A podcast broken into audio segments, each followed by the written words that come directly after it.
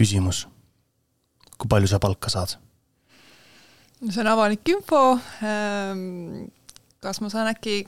kaks tuhat viissada üheksakümmend eurot, kui ma ei eksi? kas sa pead seda õigeks, et kõik inimesed teavad, kui palju sa palka saad? See ei tekita mus erilisi emotsioone, sest eh, ma pean ütlema, et eh, Eestis võib-olla see teadlikkus selle kohta, et eh, kõik inimesed saavad vaadata seda, kui palju ma palka saan, väga kõrge ei ole, aga isegi kui nad kõik teaksid seda, siis ma ei tea, kas nagu väliseid inimesi see nii palju huvitab, kas mu naabrinaine käib vaatamas, et kui palju ma palka saan, kuigi ma pean ütlema, et ma ise võib-olla olen huvitunud mingitel eluhetkedel sellest informatsioonist, aga enamasti see tegelikult ikkagi puudutab seda, et aru saada, kuidas minu palk sellega suhestub aga mis see palkade avalikustamine üldse annab? ka erasektoris, ma ei räägi praegult ainult isiklikult sinu palgast mm. -hmm. no palkade avalikustamine iseenesest tegelikult annab võimaluse just töötajale aru saadagi sellest, et milline on tema enda palk, et millega ta seda üldse võrdlema peaks, aga Eestis nagu lähitulevikus ei ole hetkel plaani erasektori palku avalikustada. ka mitte sellise huvitava sõnaga nagu palgapeegel ei, ei, ei. palgapeegel on äh, digiarendus, kus äh, tööandjale tekib parem võimalus saada oma mm, asutuse palgalõhedest äh, perspektiiv või saada nendest aru läbi siis registriandmete, aga plaan, millele sa võib-olla viitad, on palkade läbipaistvuse direktiivist tulenev ja palkade läbipaistvus iseenesest tähendab erinevaid asju, see võib tähendada ka avalikke palkasid, nagu see Eestis on avalikus sektoris aga äh, nagu laiemas kontekstis täna Euroopas see tähendab tegelikult seda, et töötaja ise saaks aru, mis on tema palk, mitte naabrinaine, aga juhul, kui naabrinaine tema organisatsioonis töötab ja sama tööd teeb, siis sel juhul küll. kas meil tõesti on sellega nii suur probleem, et inimesed saavad samal kohal niivõrd kardinaalselt erinevaid palkasid?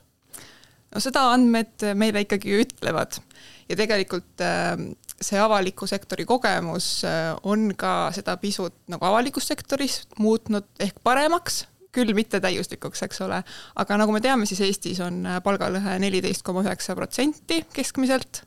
on ametikohti, kus see on veel suurem, sooline palgalõhe siis, ja selles sees on ka erinevaid perspektiive. Ja mida meile andmed veel ütlevad, sest palgalõhe on tõesti teema, mida on väga palju Eestis uuritud, tulenevalt ka sellest, et me tõesti Euroopa kontekstis paistame väga negatiivselt välja. Ehm, et osa sellest palgalõhest tõesti tähendab seda, et sama tööd tegevad inimesed saavad erinevat palku ja seal puuduvad nagu objektiivsed tegurid, mis seda seletavad. See ei ole kogu palgalõhe, aga suur osa sellest palgalõhest võib olla seletatav sellega ja sedasi tõesti see palkade läbipaistvus aitab töötaja jaoks parandada. Eesti rahvuskala siis naljaninade meelest ongi harilik või siis klassikaline palgalõhe mis selle taga on? no selle taga, kui me räägime, et miks Eestis see palgalõhe on väga suur, on noh, väga palju erinevaid asju,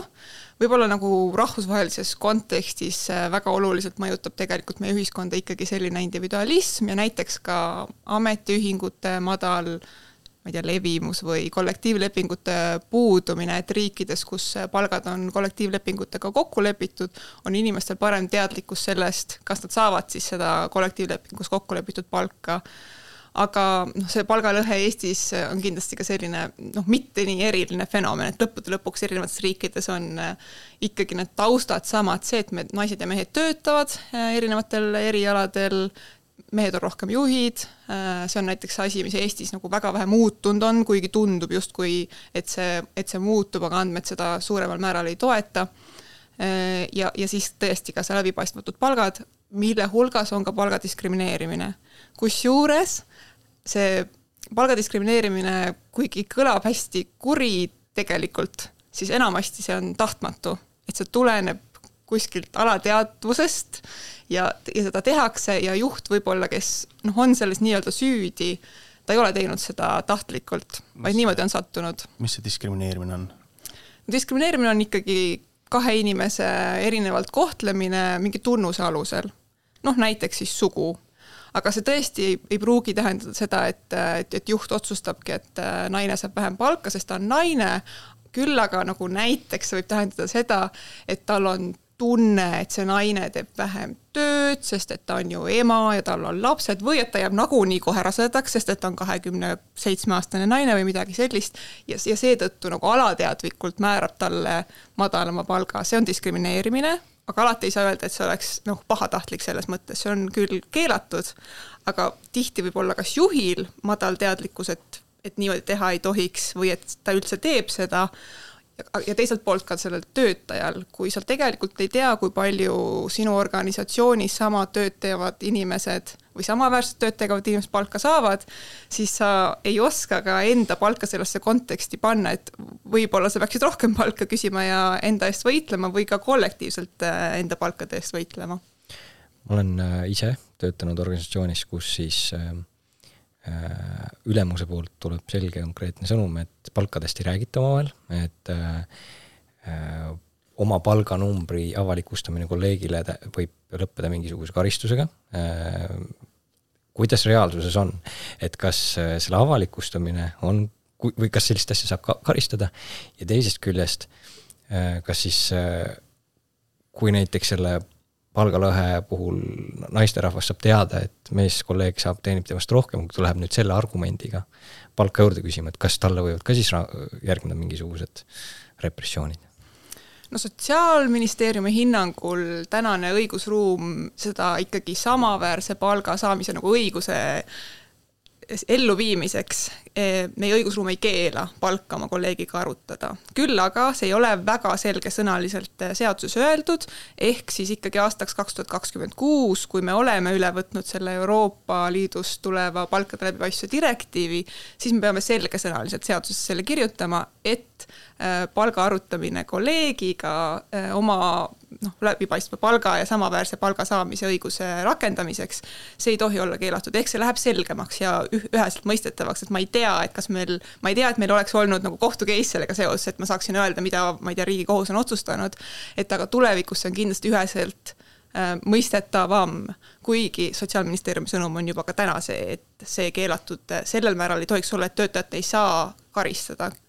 kui ta avaldab, eks ole, mingisugust informatsiooni, mis avalikkuses avaldab mingit informatsiooni, mis on tema, ma ei tea, lepingus keelatud konkurentsi mingit teemat rikkuv, siis see on teine asi, aga kui sa arutad oma palka selleks, et äh, saada aru, kas sa saad oma töö eest samaväärset palka nagu teine inimene, kes teeb samaväärset või võrreldavat tööd,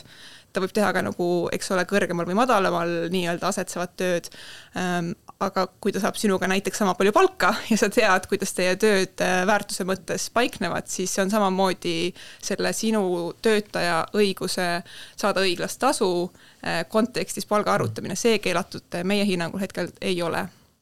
ja siis, kui see direktiiv jõustub, siis me saame väga kindlalt ka eras rääkida omavahel, kui palju keegi teenib ja siis vastavalt sellele. Just, just täpselt nii. selge ma lihtsalt mõtlen, millest see nagu tuleneb, et sa keelad kellelgi oma palga arvutamise? siis ei, sorry, räägi, räägi, räägi sina, sina oled siin, sorry. ei no sa võid vabalt äh, arvamust avaldada, sest et lõppude lõpuks see ju ongi noh, arvamus, eks ole. et äh, no Eestis muidugi mulle tundub, et meil on natuke ka hirm, äh, ka tööandjatel endil on hirm, et mis siis juhtub, kui räägitakse ja, ja tihti see polegi alati keelatud nii selgesõnaliselt, vaid see on lihtsalt selline tabuteema ja natuke ka nagu kardetakse, et äkki ma siis saan nagu rohkem palka kui mul kolleeg ja siis äkki mu palka tõmmatakse maha, eks ole, noh, töötaja muidugi peab olema nõus sellega, et ta palka langetatakse, vaevalt et keegi sellega väga lihtsakäeliselt nagu nõus on, kui just tõesti ei ole mingit hiigelmajad, majand-, majanduslangust ja teised kolleegid kõiki töökohtasid ja kõrvale ei kaota, aga nagu laiemalt äh, võib öelda, et ei saa öelda, et see nii on, eks ole, kõikides nendes ettevõtetes aga noh, see mõte kipub sinnapoole, et, et mingil määral see tööandja ikkagi tunneb, et tal on kergem maksta mõndadele inimestele madalamat palka ja siis tal on hirm, et, et kui nad ehk räägivad sellest, et äh, siis ma pean hakkama neile maksma siis samaväärset või et see tekitab mingeid draamasid ja ma ei usu, et keegi nagu otsesõnu niimoodi mõtleb, aga see natukene on sellise töötajate ekspluateerimise maiguga, noh, peab ütlema, äh, töötajate õiguste ekspluateerimise. Ja ma tahaks loota, et keegi nagu otsesõnu niimoodi tegelikult ei mõtle, aga noh, lõppude lõpuks kogu see nagu narratiiv äh, sellest, äh, et konkurentsiolukord halveneb, kui palkadest räägitakse, nagu viib sind sellele sellele mõttele, et kas tõesti kas keegi, keegi tõesti nagu tahab mõelda nii, et palgad on salajased minu organisatsioonis ja see on vajalik selleks, et ma saaksin siis nendele nagu pärlitele, kes nõuavad, maksta seda palka, mida nad väärivad. ja siis noh, neile, kes ei julge nõuda, sest nad ei tea, äh, et teised kolleegid, kes teevad sama tööd, mm, et nemad siis ei nõua ja noh, ongi tore maksta neile siis seda palka ja me teame näiteks, et äh, naised on tagasihoidlikumad noh, tüdrukuid ka on seni tihti kasvatatud niimoodi, et tagasihoidlikkus on voorus. ma loodan, et äh, täna see olukord on nagu natukene parem, aga kahjuks andmed meid täiesti sinna suunas ei äh, vii hetkel. et, et siis naised tihti satuvadki nagu halvemasse olukorda, aga tegelikult võivad sinna ka mehed sattuda. et, et töötajal, kellel on väga tugev taustsüsteem, mis võib tähendada näiteks ma ei tea, partnerit, kes jõuab teda ülal pidada või vanemaid, kes põhimõtteliselt jõuaks teda ülal pidada. tal on palju kergem nõuda äh, paremaid töötingimusi, kui tal on turvavõrk, mille peale langeda. et see võib tähendada nii meest kui naist, aga see on nagu selline rajasõltuvuse teema, et kui sa tuled tugevast taustast või sul on mingisugused muud ähm, ma ei tea, stereotüübid, mis sind ei mõjuta, aga su kolleege mõjutavad, siis sealt see tuleb, et see ei ole alati seotud selle pahatahtlikkusega aga lihtsalt tõesti uuringud näitavad, et sellised asjad kõik, sealhulgas stereotüübid meid mõjutavad. ehk siis on tööandjaid, kes justkui jätavad selle võimaluse omale kokkuhoiuks nende inimeste siis teadmatuse arvelt äh, natukene. no tahaks loota, et niimoodi ei mõelda. aga noh, natuke mõte viib sinna, et niimoodi see võib-olla peaks nagu on, et on võimalik, et see on selline praktika või tava, mis justkui tundub neile loogiline ja seda ei mõtestata niimoodi lahti, eks ole. aga mis selle taga siis on, kas see tõesti on see? jah, nagu ma mõtlen, isegi arutledes nüüd selle üle, et palgaläbirääkimistel tööand-, töötajapoolne argument see, et keegi teine saab minust rohkem, see ju omaette argument ei ole, et äh, palka ju siiski Äh, määratakse võib-olla töökoormuse, töö tulemuste järgi, ehk siis tööandjat ei tohiks hirmutada see, et äh, tema töötajad teavad mm -hmm. üksteise palkadest, eks ole. jah, teine teema selle juures on võib-olla ka see, et kas tööandja üldse on läbi mõelnud siis koos töötajatega tegelikult need töökohad, mis tal üldse on, need ametikohad, et mis on nende inimeste roll, missugused on nende vastutus, millist kvalifikatsiooni ta sinna ootab, või et ta palkab selliseid nagu staare ja siis jooksvalt kujunevad tööülesanded, noh, see ei ole tegelikult äh, nagu töötajale pikas perspektiivis väga kasulik äh, positsioon, kus olla, kui sa oled selline, ma ei tea, noor, särav ja driving võib-olla, et siis äh, tundub sulle nagu hetkeliselt kasulik, aga kohe, kui sa satud noh, mingile, mingi probleem tekib su ellu, noh näiteks kasvõi see, et sulle tuleb, tuleb nõme ülemus ja ta hakkab sulle andma ülesandeid, mis sulle absoluutselt ei meeldi. ta, ta ootab sinust, äh, ma ei tea, kaheksakümmend tundi nädalas töötamist, et siis tegelikult on need kõik need reeglid ja töölepingud ja ametijuhendid väga kasulikud et, et see on ka seesama teema, et kas tööandja on nagu läbi mõelnud endal need ametikohad ja väärtused, et keda ta üldse palkab ja kuhu, et loomulikult võib maksta erinevate töö tulemustega äh, inimestele erinevat palka. küsimus on selles, kas me hindame neid töö tulemusi kuidagi objektiivselt või me hindame neid natuke kamraadlikult, et noh, ta on äge vend või äge naine või äge ma ei tea kes. Äh, ja siis me maksame talle sellepärast palka, et sõprus ja kamraadlus on väga okei okay,, aga nagu selle kaudu valida, kuidas sa inimesi tasustad, see nagu päris okei okay ei ole. Ähm, kui me võtame juurde siis selle, et äh, palkade läbipaistvuse uudisega kaasnes ka siis võib-olla eraettevõtjate poolt võib-olla väike niisugune nihelus, mis, mis sa arvad, mis selle taga võis olla? no eks seal on erinevaid asju taga üks aspekt on tõesti see nagu kultuuritaust või mitte kultuuritaust, vaid isegi noh, ütleme see, see, mis on alati olnud. et on noh, tööandja perspektiivist võib olla ka ju, eks ole, mugav äh, pidada neid palgaläbirääkimisi niimoodi individuaalselt. see tõesti annab võimaluse inimesele, kes ei küsi, maksta madalamat tasu. ma loodan tõesti, et keegi ei mõtle seda, eks ole, sellest töötajate ekspluateerimise aspektist. aga, aga noh, tuleb, tuleb tunnistada, et siin on tööandjatel, siin võib olla tööandjatel teine huvi, küll aga küll aga nagu pikas perspektiivis tasub tööandjal panustada heasse organisatsiooni kultuuri, et uuringud tõesti näitavad seda, et äh, pikas perspektiivis nagu su tootlikkus kasvab, kui sul on mitmekesine kollektiiv, kui inimesed tunnevad, et on õiglaselt tasustatud ja koheldud. et et ma ei tea, kas meil on nagu tegelikult siin tööandjatega väga suur konflikt, sest et tõesti Eestis on suur osa tööandjaid, kes enamik neid nõudeid juba täidavad. Ja see, mida kardetakse ja täiesti põhjendatult kardetakse, on, eks ole, igasugune aruandlus. Ja see on olnud ka kogu selles direktiivi läbirääkimistes oli Eesti seisukoht, et see aruandlustase peab olema mõistlik, äh, väike või minimaalne väikestele ettevõtetele, keskmistele ettevõtetele ja ka suurte ettevõtjate puhul on meil Eestil tegelikult olnud juba, ma ei tea, läbirääkimiste algusest saadik ikkagi juba plaan olemas, et äh, me saame suure osa sellest aruandlusest teha registriandmepõhiseks, me kasutame andmeid, mis, mida praegu juba ettevõtjad nagunii edastavad, näiteks nagu maksuandmed, eks ole. et, et see aruandluse kartus on võib-olla selline üldine, meil on ka tõesti teisi väga palju kohustusi tööandjatel ja see peab olemegi kõik tasakaalus selle kasuga, mida saadakse. Aga noh, üldises plaanis ma usun, et siin on teatav selline hirmufoon äh,, aga tegelikult äh, me riigina oleme selle piisavalt läbi mõelnud, et see tõesti on vajalik äh, asi, mida teha ja, ja tõesti näiteks palkade läbipaistvust isegi laiemal skaalal või suuremas ulatuses, kui see direktiiv ette näeb, Eesti inimesed ka toetavad. kuidas äh, see muudatus, äh, muudatuse jõustumine siis töötaja elu muudab, et mis, mismoodi siis tema saab seda enda heaks ära kasutada, mis ta tegema peab mm? -hmm. no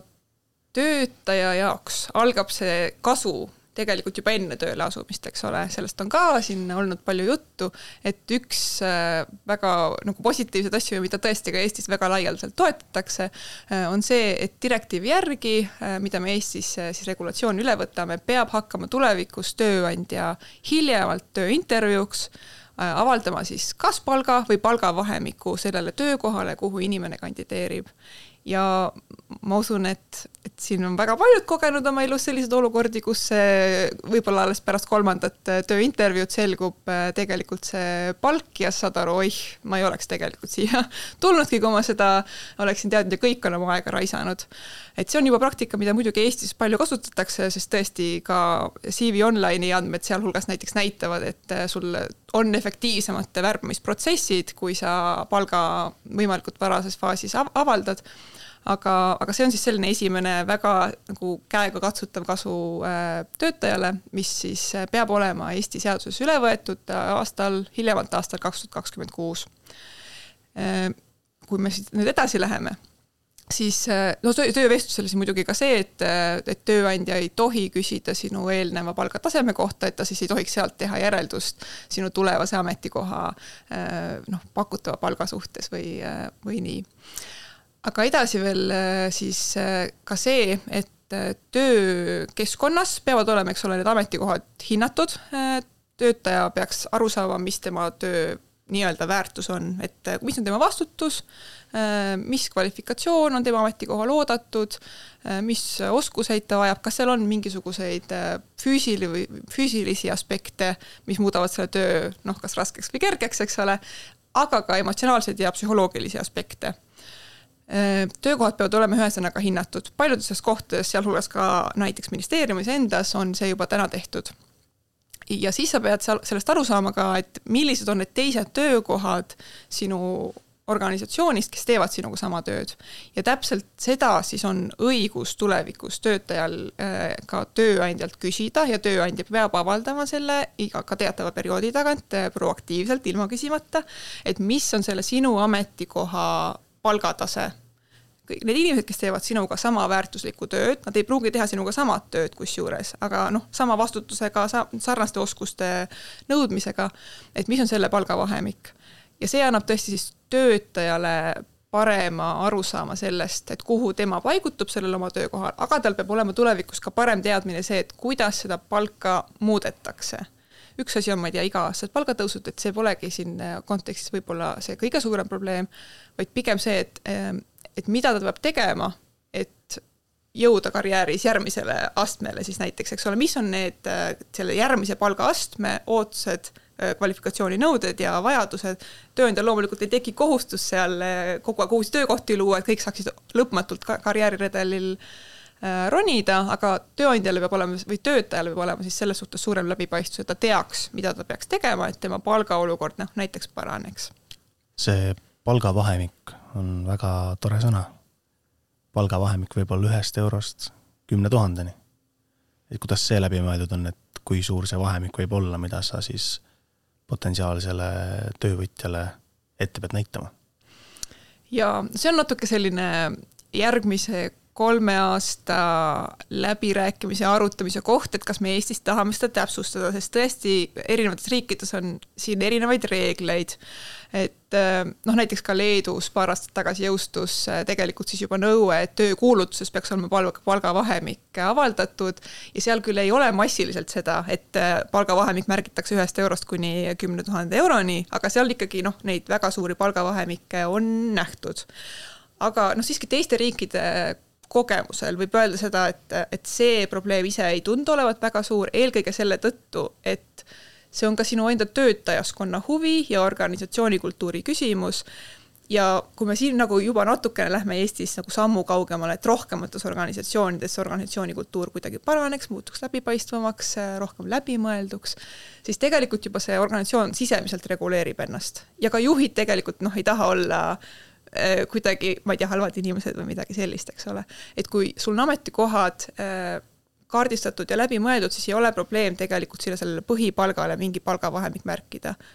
selles mõttes võib-olla Eesti perspektiivist võib-olla väga ei tahagi kuidagi liiga üle reguleerida seda aspekti, et, et me teeme kohustuslikuks, et see palgavahemik võib olla kuni nelisada eurot või ma ei tea, mis iganes summa, suvaline summa ütlesin praegu, et, et see ei tundu meile hetkel äh, nagu asi, mida me tahaks teha, aga samas kolm aastat on aega veel arutada, et kuidas me selle Eestis täpselt üle võtame. Ja noh, kui tuleb regulatsioon, siis lõppude lõpuks tuleb ka järelevalve, kuigi igale sellele punktile ei teki, eks ole, mingit konstantset järelevalvet, et võtame tööle uued ametnikud, kes hakkavad kogu aeg palgakulutusi scroll ima, seda ilmselt ei juhtu ja see poleks ka mõistlik. aga, aga, aga kui seal tekib tegelikult tõesti mingisugune selline noh, lollakas olukord põhimõtteliselt, et me oleme, et kõik palgavahemikud muutuvadki nullist kuni kümne tuhandeni, siis ilmselt noh, riik ka reageerib sellele kuidagi. kas äh, ma saan nüüd õigesti aru, et tööandja jaoks siis vahet ei ole, kas ta on väike või suur või keskmine, ta peab ära kaardistama, kirjutama välja kõik need ametikohad, ametijuhendid ja siis noh, olenemata sellest, kui palju tal on töötajaid ja neid erinevaid ametikohti. see on metsik töö väikestele e-, ettevõtetele on seal selles mõttes ikkagi erandid, et, äh, et, et ei pea äh,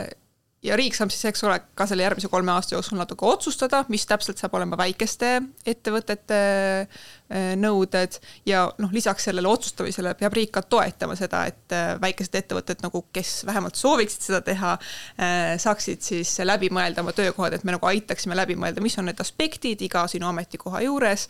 aga tõesti, kui ettevõttes on kolm inimest või ma ei tea, viis inimest ja meil neid Eestis, neid ettevõtteid ju metsikult, siis seal tõesti need rollid ei pruugi olla nii selged, et, et seal selline, ma ei tea, palgaredel ja ametikoha kirjeldused niimoodi paika panna, aga lõppude lõpuks on neil inimestel ikkagi töölepingud. et midagi seal kirjas on ja inimesel endal peab olema selge, mis on tema töö ja mis on selle, selle väärtus selle konkreetse töö võtmes, aga noh, suure tõenäosusega selles kolme inimesega ettevõttes ongi kolm erinevat töötajat, kes täidavadki erinevaid rolle, omaette küsimus, kas nad on nagu võrreldavalt, et kas nad on samal sellel väärtusastmel, eks ole. aga mida me siis teame täpsemalt, et kus need piirid jooksevad, on see, et et pandi paika direktiivi järgi see, et ettevõtted, kus on äh, sada ja enam töötajat, nemad peavad hakkama ka